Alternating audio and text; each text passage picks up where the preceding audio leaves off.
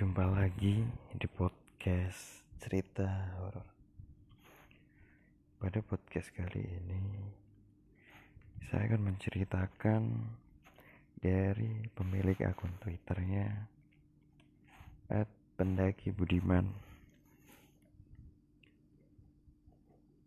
Kali ini bukan cerita, melainkan tips menghadapi hantu di gunung.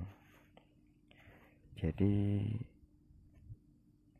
thread ini berisikan jika kita sedang naik gunung, terus kita bertemu atau merasakan atau diganggu sewaktu naik gunung. Nah, ini ada tipsnya nih. Judulnya kalau naik gunung gitu pernah nggak ketemu hantu. Terus kalau ketemu hantu di gunung harus bagaimana? Ya, ini ada tipsnya menghadapi, menghadapi hantu di gunung. Teruntuk teman-temanku pendaki yang budiman. Sejatinya kita hidup di dunia ini memang sudah berdampingan dengan makhluk seperti hantu, setan, jin, atau apalah segala sebutan lainnya. Jadi tidak perlu berlebihan dalam menghadapi kehadiran mereka.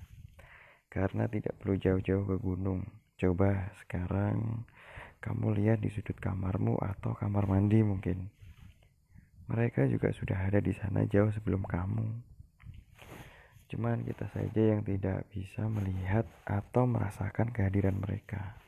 Nah, yang ingin saya bagikan kali ini adalah tentang bagaimana seharusnya seorang pendaki menanggapi kehadiran teman-teman kita yang tidak kasat mata ini.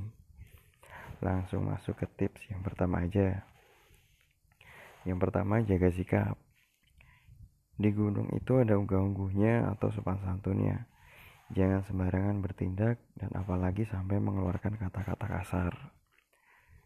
Lawang kalau kamu bertamu di perkotaan saja bisa diusir jika mengolok-olok rumah tuan rumah atau bersikap tidak sopan apalagi di gunung. Ya. Yang kedua berdoa sebelum melakukan pendakian. Berdoalah untuk kelancaran dan keselamatan. Lalu selipkan juga doa agar dihindarkan dari gangguan-gangguan goib. Yang ketiga berpikirlah yang baik. Gak usah mikir macam-macam. Pas naik gunung nikmatin aja perjalanannya namun jika perasaanmu memang tidak enak dan merasakan ada yang kurang beres, cobalah tenangkan pikiranmu dengan kalimat kalau mau menunjukkan diri, tolong jangan dalam bentuk yang menakutkan.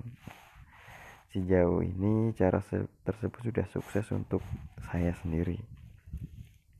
Yang keempat, jika kamu seorang IndiHome atau Indigo, sebaiknya kamu beritahukan pada salah seorang teman perjalanan yang kamu percayai. Yang kelima, ini adalah peraturan tidak tertulis yang harus kamu sepakati dan patuhi. Jika kamu beruntung bertemu dengan mereka, jangan ceritakan ketika masih di gunung.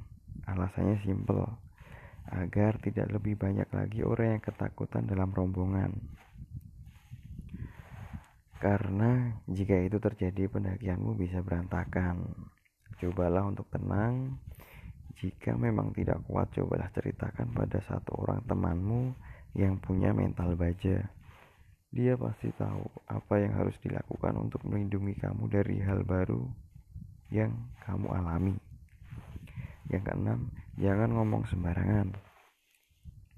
Karena yang jauh lebih berbahaya dari bertamuhan itu adalah diisengin seperti beban semakin lama semakin berat atau muter-muter di tempat yang sama berkali-kali.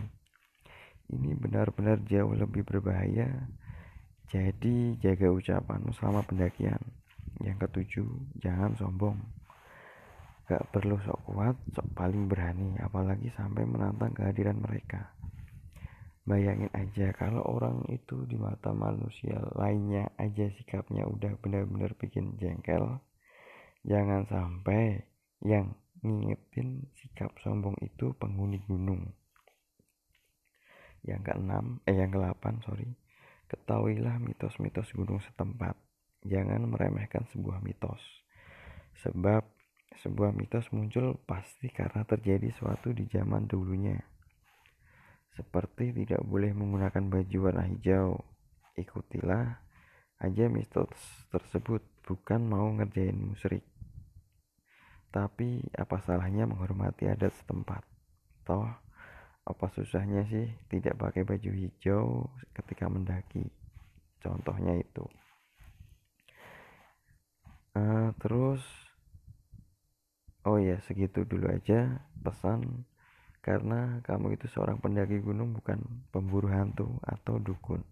Jadi tidak perlu dicari-cari kehadiran teman-teman kita itu apalagi sampai ditantangin. Salam stari ya itu ada 8 poin untuk tips kita saat menemui hantu di gunung waktu pendakian.